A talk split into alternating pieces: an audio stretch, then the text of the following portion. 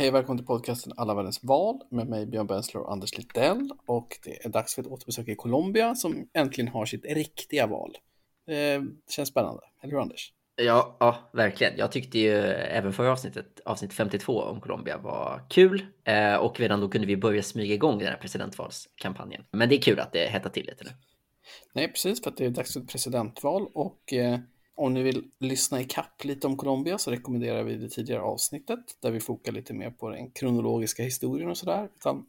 Här kommer vi foka på det här valet och mer nutid, även om såklart som i alla demokratier eller land så går ju den historien igen sig i partierna nu. Mm. Men eh, det jag tänkte börja med att snacka om, som jag tror att blir en brygga till resten, är att i slutet av april, alltså för ungefär en månad sedan, så hände något i Colombia som få kanske trodde skulle hända. Det var en general och andra höga militärer erkände i en domstol att de hade begått krigsbrott i Colombia. Alltså då Cerro från regeringssidan. De erkände ett massmord av civila och detta som en del av strategin från regeringssidan som kallas för falsk positiva skandalen, vilket innebär att man helt enkelt dödade civila men rapporterade att de var FARC-rebeller för att liksom få upp, nu har vi dödat mm. hundra här. Liksom. Och erkännandet av den här slagen gjordes då i en speciell domstol som är speciellt på olika sätt, men den sattes upp som en produkt av fredsprocessen och fredsavtalet 2016 mellan FARC och eh, staten. Den här liksom, rättsprocessen är liksom påminner lite om sanningskommissioner och sånt som har varit i andra länder. Och straffen är liksom lägre än vad de hade varit annars. De här personerna som er, er, erkänner mord av civila riskerar inte fängelsestraff, utan typ så här husarrest, straffarbete, böt, alltså liksom mm. man vill liksom få fram de här sakerna och accepterar att straffen blir lägre. Och det här har ju funnits flera länder, det är ganska intressant. Hela den här konflikten har kostat 220 000 människoliv eller mer.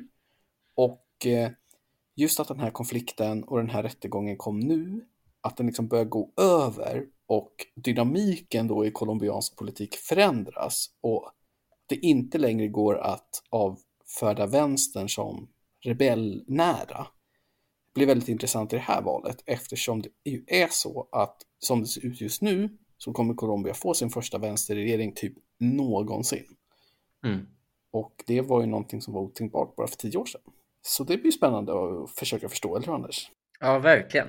Och precis som du säger så finns det ju en, eh, en koppling här kring den väpnade konflikten och liksom omöjligheten för någon slags demokratisk vänster att komma fram. Man har haft en väpnad, en väpnad vänster i landet jättelänge och det har väl också gjort att även när det inte längre varit ett hot så har den varit så, har vänstern i stort varit så belastad av minnet av FARC.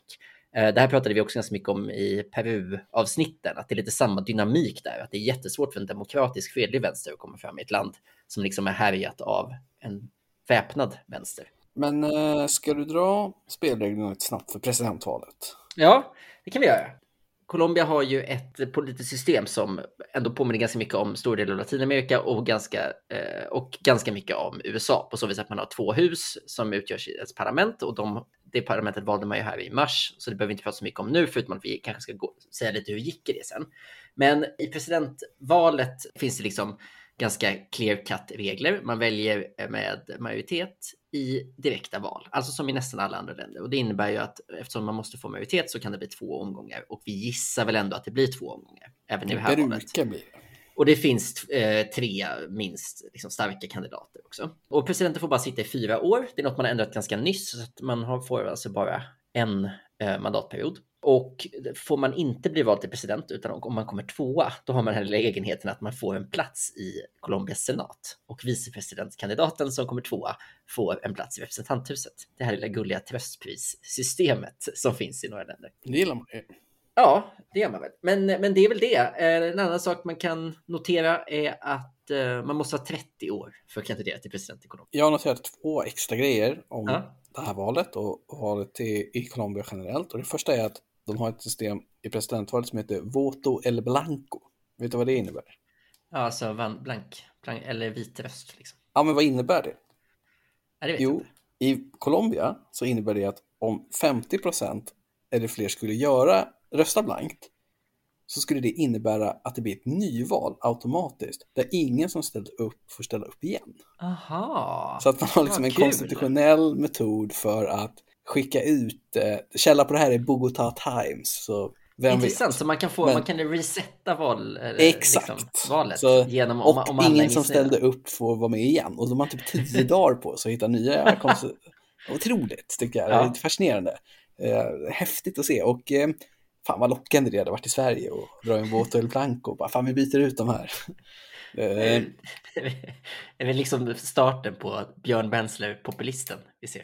Nej, men eh, tyvärr så verkar ju Voto El Blanco, även om den ligger högre än många enskilda kandidater, så har den ingen chans. Och sen har de något som heter, nu ska jag prata spanska igen, Ley Seca. Vet du vad det innebär? Ja, men det får jag gissa. eh, Ja. Att det- seka betyder ju t- torr. Alltså att det är att man inte får sälja alkohol under valdagen. Precis. Från klockan 18 på lördagskvällen till måndagen så är det torrt i Colombia. Mm. Det tycker jag var coolt. Det är, liksom, Mm. det är ingen alkohol att få tag i. Men då känner man ju också, det är ju ändå katolskt. Hur är det skillnaden mot en vanlig söndag? Men man känner också att det är också katolskt. Det är, det, är klart, det är klart det dricks på valdagen i Colombia. Alltså det känns ju också som att det är en mycket viktigare regel än tradition att det inte dricks på valdagen. Ja, men så de två lilla eh, detaljerna snappade jag upp om Ja, demokratin där borta. Så det, det tyckte jag var roligt. Jag tycker att så här, fan ska vi gå rakt in på, ska vi du dra lite snabbt hur det gick sist i det här parlamentsvalet som var nyss antar jag, men det är ju Mm. det är ingen som är intresserad av det, så dra det snabbt nu och så går vi in Ja, på men kandidater. Jag, jag tänker att det är ett sätt för oss att, bara ge, piff, liksom, eh, damma av eh, genomgången av vilka partier som finns, ungefär hur de, hur de står sig. Ja, det för det finns vi- hundra partier, eller hur? Ja, precis, men vi, vi drar de, de stora krafterna här. Liksom. Eh, därför att det, man, det som vi sa eh, förut, eller förra avsnittet är att sedan mitten på 1800-talet så har man haft två stora partier som heter Liberala partiet och Konservativa partiet. Och det, de har egentligen turats om med makten hela tiden och man har aldrig haft en eh, vänster rörelse eh, i politiken och aldrig haft en vänsterpresident eller en majoritet åt vänster i parlamentet, liksom historiskt. Även om det funnits en vänsterflygel inom det liberala partiet. Och det är väl det här parlamentsvalet, när vi snackade upp det i avsnitt 52 så pratade vi om att men det kommer ändra på den grejen. Och det är också det som har hänt lite grann nu. Därför att konservativa och liberala partiet, de ligger kvar på ungefär 10% var och de står ju på varsin sida av spelfältet. Men egentligen så är det ett andra parti som är de stora. Och det ena är ju då partiet som styr idag, Centro Democratico, som är liksom en utsplittring av eh, den här Alvaro Uribe som vi pratade en hel del förut om, som är liksom hårdföra högerpresidenten i början på 2000-talet, vars efterträdare då Ivan Duque eh, är den som styr landet just nu. Liksom. De är liksom det stora högerpartiet idag, men kommer inte spela någon vidare roll överhuvudtaget i det här presidentvalet därför att man liksom Ja, man har helt enkelt gått för dåligt. Den kandidaten de valde har gått jättedåligt och mer eller mindre dragit sig ur nu. Han liksom. som sitter nu eh, är ju otroligt impopulär förstås också. Ivan Duque, precis. Och de tappade också i parlamentsvalet. De eh, landade på 11 procent och tappade eh, flera platser. Det pratade vi också om sist, att det är lite svårt med, eh, därför att det är två ganska jämnstarka hus som väljs på typ samma sätt. Men jag drar, jag drar resultatet i representanthuset. Det lägre huset. Och, och eh, liksom det liberala partiet som då stod lite till vänster, de tappade lite grann, landade på 15 procent. Det konservativa ökade lite grann. Det kan man ju då förstå om det stora högerpartiet eh, tappade eh, och landade på 12,5. Och sen så gick det egentligen eh, dåligt för de andra så här mittenpartierna som vi har pratat om som har varit utsplittringar från det liberala partiet. Både Partido de la U och Cambio Radical som vi pratade om, som är två mittenpartier. Båda de tappade stort. Och de som istället gick fram då i det här valet är ju framförallt Pacto Historico. Fan, Fruktansvärt bra namn. Alltså. Det stora, ja. som är det stora nya eh, vänsterpartiet under då Gustavo Petro. Um, och liksom Petro från början är ju, var ju borgmästare i Bogotá och hans lilla parti, eh, Pacto Humano tror jag heter, Eh, de är liksom eh, egentligen eh, ett väldigt litet, så det här är en koalition av massa vänsterpartier som har gått upp, ihop bakom Petro och nu blivit ett parti och är Colombias största parti på 17 procent. Så att man har liksom plötsligt ett väldigt stort, ett stort vänsterparti och om jag lä- förstår lojaliteten är rätt, men det är alltid svårt, så borde man också kunna sy ihop en, en majoritet här baserat på Pacto Historico och det liberala partiet och, och kunna ta några fler av de mindre partierna och sådär. Det som också gick bra i det här parlamentsvalet var de gröna rösterna. Så att gröna partiet gick framåt, delvis i representanthuset, men eh, ännu mer i senaten där man var i allians tillsammans med eh, en annan presidentkandidat, eh, Fajardo, som vi eh, kanske ska nämna lite snabbt, men inte behöver prata så jättemycket om, för det har gått ganska dåligt för honom sen det där valet. Eh, summa summarum då, så kan man säga att de eh, traditionella partierna står still. Det stora högerpartiet som startades nyligen har gått stort bakåt och det ännu nyare stora vänsterpartiet har gått stort framåt. Så att plötsligt har Colombia en, en vänstervind i parlamentet. Och den vänstervinden hänger ju då i in i det här valet. För han som leder är då Gustavo Petro som leder i opinionsundersökningarna och han är då Pacto Historicos kandidat kan man väl säga. Ja, det kan man. Han är ju då, som du har nämnt, tidigare borgmästare i Bogotá, eller hur? Ja. Och det känns ju också som att det är så här, det kan ju betyda, det kan ju vara hur mäktigt som helst. Men det känns eller som att alla här, det känns som att så här, borgmästare, i Sverige så är det liksom en stor grej om, en parti, om man blir partiledare utan att sitta i riksdagen. Men det känns som att i Colombia så är liksom motsvarigheten är att man ska absolut ha varit borgmästare i någon av de tre största städerna. Det är liksom alla är det. På något sätt. Och, och det känns ju som att Bogotá är mer vänsterlutat och att Medellin eh, är mer liksom högerlutat. Så att högerkandidaterna har ofta varit borgmästare i eh, Medellin och vänsterkandidaterna har ofta varit borgmästare i Bogotá på något sätt. Ja. Vad har vi på Petro då? Ja, men Petro är ju, det är ju tredje gången han kör och han har ju liksom. Revanschisterna. Ja, han har ju verkligen varit det här liksom vänsterspöket på något sätt och eh, kommit upp, varit jättepopulär, fått mycket liksom många unga väljare och gått starkt. Eh, förlorade ju i andra omgången, vilket var liksom en jättechock för Colombia att han kom till andra omgången sist. 2018 eh, eh, och då förlorade jag mot den här Ducke nu som är så impopulär. Och sen dess så är väl liksom beskrivningen av Petro att han har försökt tvätta bort så mycket vänster som möjligt från sig själv för att han, det finns fortfarande någon slags glastak för vänstern, att det är för många som typ tänker på dem som FARC, liksom som en politisk förlängning av FARC. Och Petro en, själv har ju dessutom varit... belastande kontext kan man säga. Precis, och Petro själv har ju varit, eh, också varit liksom med i en väpnad grupp, även om det inte var eh, FARC, utan det var en grupp som hette M19. Men, men han har ju också eh, behövt förhålla sig till sin egen historia. Vi kommer inte försöka botanisera i olika eh, colombianska gorillor, utan vi konstaterar Nej. bara att han har varit med, men inte i FARC. Eh, men han vann ju då ett primärval, eller hur? Väldigt ja, enkelt. Precis, han vann det, han vann det enkelt. Ehm, men det man kan säga är att det var fruktansvärt många som röstade. Primärvalen är ju lite, de är ju, är ju väldigt, väldigt formaliserade. Så att man röstar i sitt primärval eh, samtidigt som man röstar i parlamentsvalet. Och så, så att liksom beroende på vilket parti man röstar på så röstar man också i det partiets koalitions primärval. Och hon som kom tvåa i primärvalet, Francia Marquez, hon fick eh, tredje flest röster av alla no, i hela landet i primär, primär, primärvalen. Så att förstår jag, hade man sett primärvalen som ett president, eh, presidentrace så hade hon varit en jättestark presidentkandidat. Ja, för hon är ju en av de intressanta sakerna med hans kandidatur. Eller? Verkligen, därför att det naturliga för, för Petro att göra hade ju varit att han är liksom vänster, han är liksom väldigt eh, kanske begränsad av det och har velat flytta sig mot mitten. Det naturliga för honom hade valt, var, varit att välja typ kanske en gammal en mittenkandidat eller en, någon gammal minister någonstans eller någon som lite kan tona ner hans aktivistiska vänstersida. Men... Det köper jag, men det står i dina anteckningar att han har träffat Piketty som någon slags expert. Denna kända mitten ja, men... ideolog. Ja, men det kanske ändå var ett sätt att... Eller det kanske lite... är om mitten placerar sig i Colombia. Nej, no, troligtvis inte. Men jag menar, eh, men han har ändå försökt bygga upp någon slags trovärdighet trovärdighet liksom under, sin, under sin kampanj.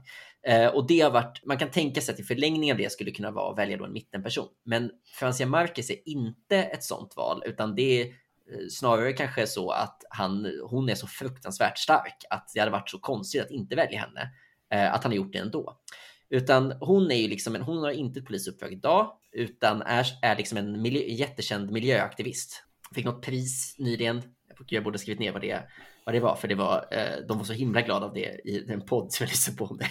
Pris kommer och går, men det man kan säga om Franciska Marquez, att om ja. ni ska lyssna nu när han pratar, är att hon kanske är en av världens kändaste politiker om åtta år. Så då hörde ni det först här. Det är, ja. den, det, är det som är taket för henne.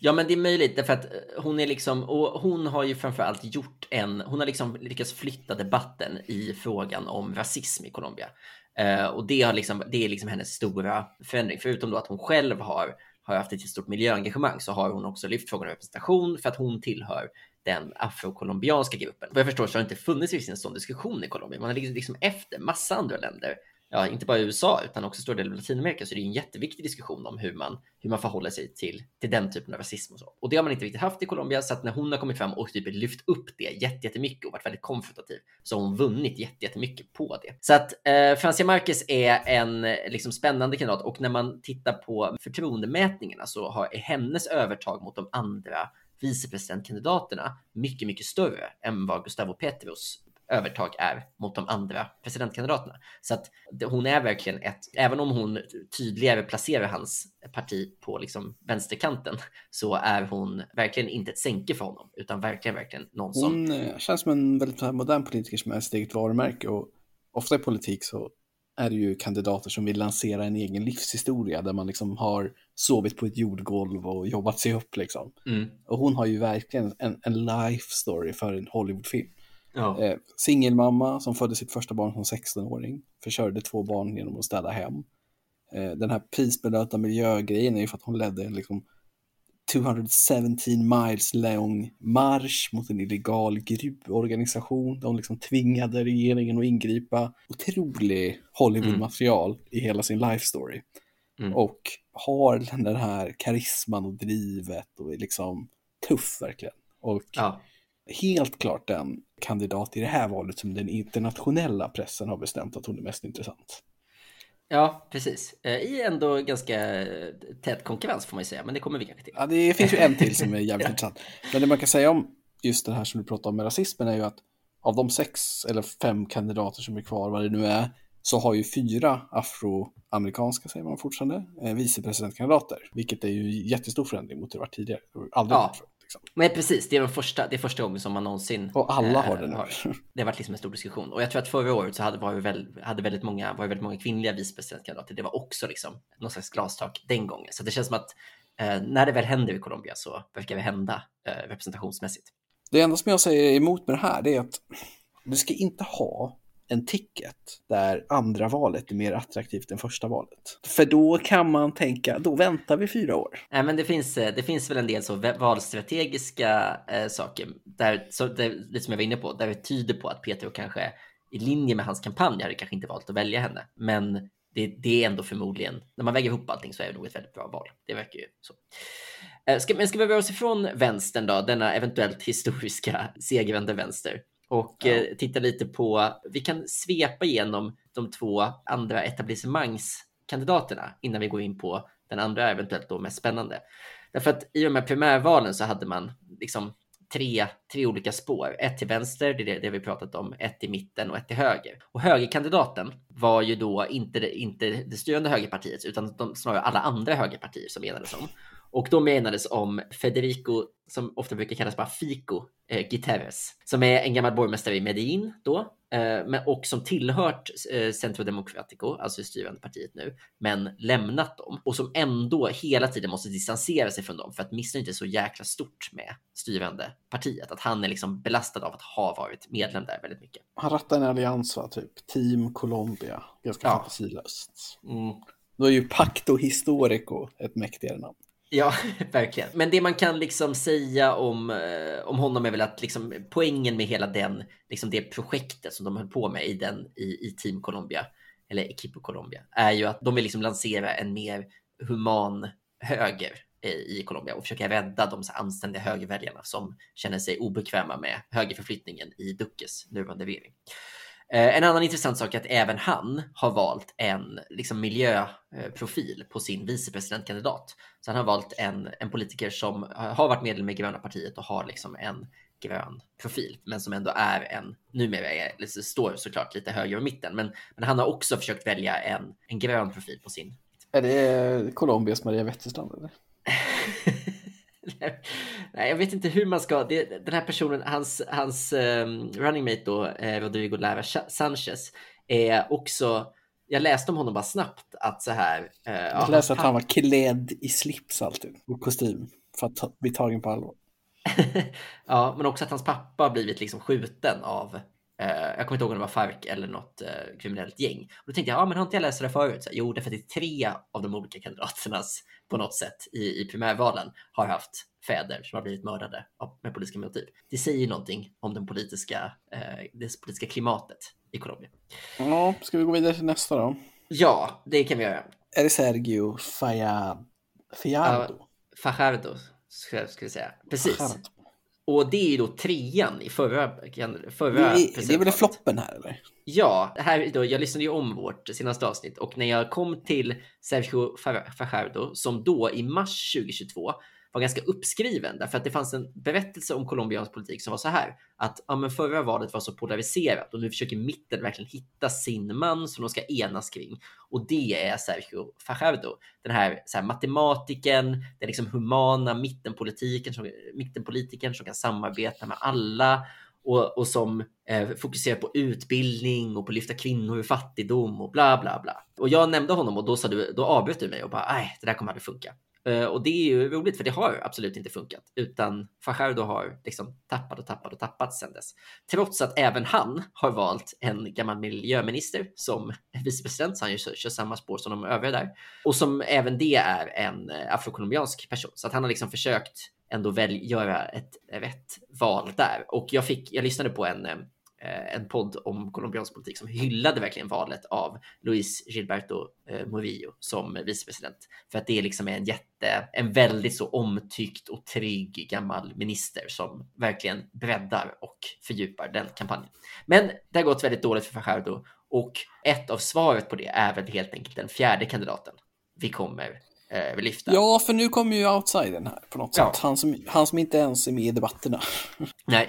Precis. Eh, Rodolfo Hernandez, 76 år, en, en miljonär som, som framförallt kör en anti-corruption eh, strategi här, kan man ja. säga. Och han har kommit som ett skott på slutet, alltså gått från väldigt låga procent i mätningarna till att nu ligga typ tvåa, eller hur? Ja, han tävlar om Guterres om andra platsen. Ligger väl på typ 20 nu tror jag. Så han har chansen uh, att gå till runoffen helt enkelt. Så att, ja. det är en väldigt skräll, för det var ingen som såg det här komma. Och, han går, han, ödmjukt så går han runt och kallar sig själv för ingenjören. ja, det är väldigt roligt. Han har det som hans Twitter, Twitter-handle är liksom ingenjör eller eh, ingenjör eh, Rodolfo Hernandez. Eh, och det är intressant. En sak som det känns som att både du och jag är trötta på är när folk säger så. Det här är det och det landets Trump. Ja, men jag får... li, man är inte lika trött på det som det är den här landets Bernie Sanders. Man är så fruktansvärt trött på det. Jaha, är man inte ja. Man är väl mer Nej. trött på Trump? Nej, okay. gud. Ah, ja. Trump okay. är så jävla unik ändå. Jo, men jag menar, ja, men just därför så är vi ju ofta en dålig liknelse. Men grejen är att här så hade det varit en helt okej liknelse. Eh, det är en gammal man som verkligen tillhör den ekonomiska eliten, ändå försöker uttrycka sig själv som outsider. Han tycker väldigt mycket om att kanske så svära Eh, offentligt. Han är jättestor på TikTok.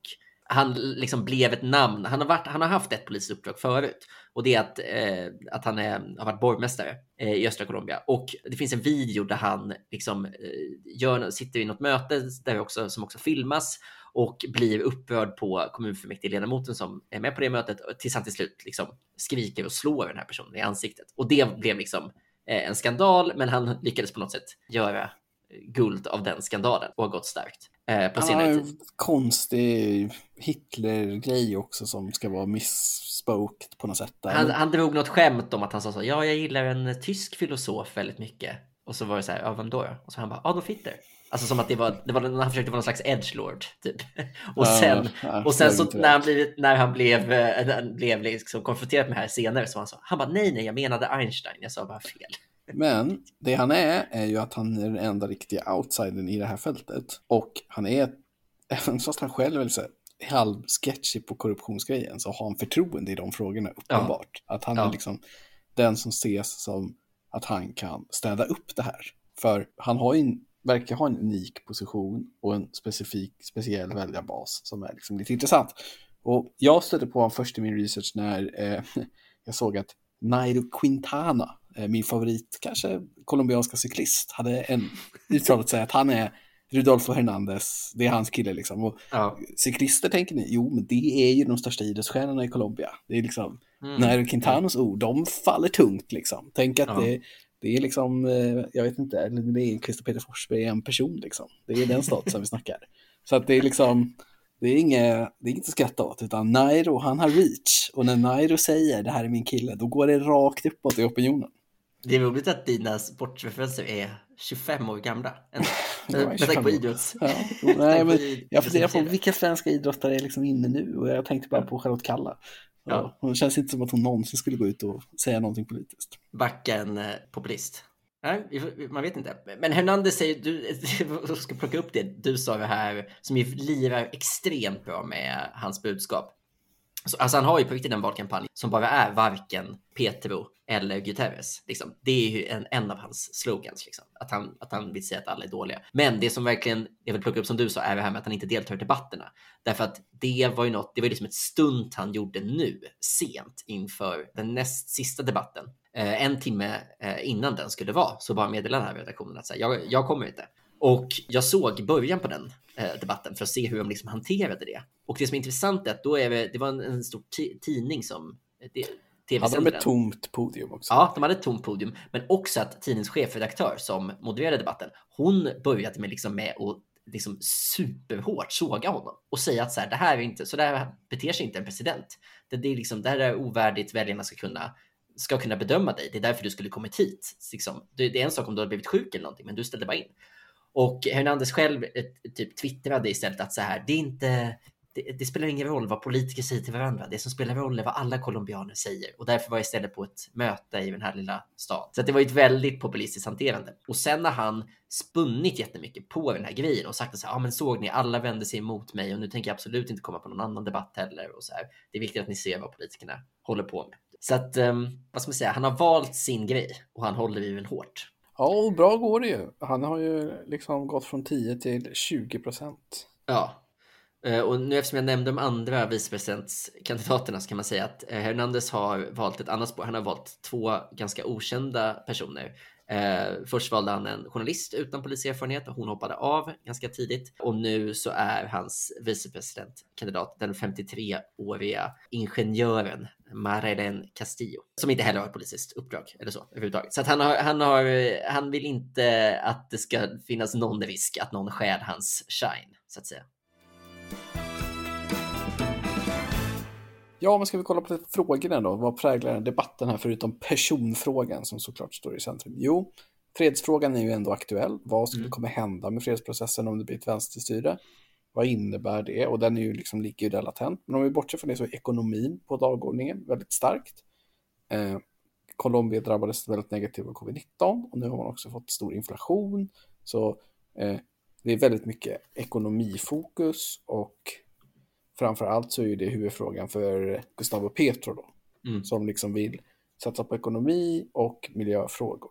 Men eh, vi får väl se hur det går med miljöfrågorna. Ändå på att säga. Men ekonomi är också i fokus för eh, Gutierrez som liksom vill bekämpa fattigdom och så. Och sen har han väldigt stor fokus på eh, kriminalitet med en tough on crime policy såklart. Men det är intressant det där med miljö, alltså det, det är ju ändå vind i seglen, även om de inte nu har en eh, Colombia har ju haft eh, ganska lyckade gröna presidentkandidater tidigare och nu så är det lite som att både dels Fajardo i mitten och dels Petro har liksom tagit lite de, de väljarna så att det finns liksom inte riktigt en sån. Men det är, är ju ett, ändå eh, ett visst tecken det här med att tre av fyra har valt tydliga miljöpolitiker som sina vicepresidentkandidater och att gröna partiet ändå fick 12 procent i parlamentet och så. Så att det finns ju ändå en, en sån liten våg.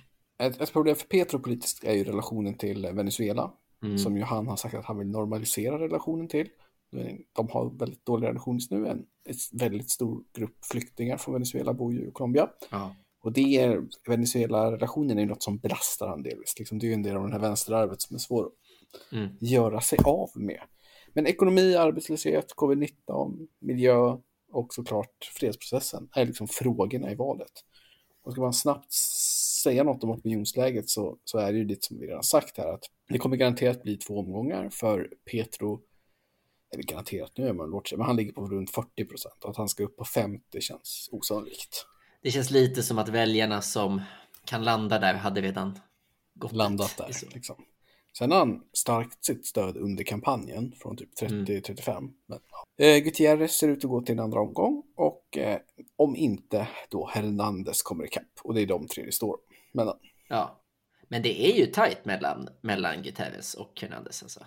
I något, senaste sammandraget hos ASCOA som jag tittar på så är det ändå 20 för Hernandez och 25 till Guterres. Och det var ju innan allt det här givet med debatten och sådär. Så det känns ju som att, ja, det kanske, om det funkar. Och i en andra omgång så leder ju då Petro mot Guterres, men inte med att han har långt över 50 då, utan det är många som inte har bestämt sig. Liksom.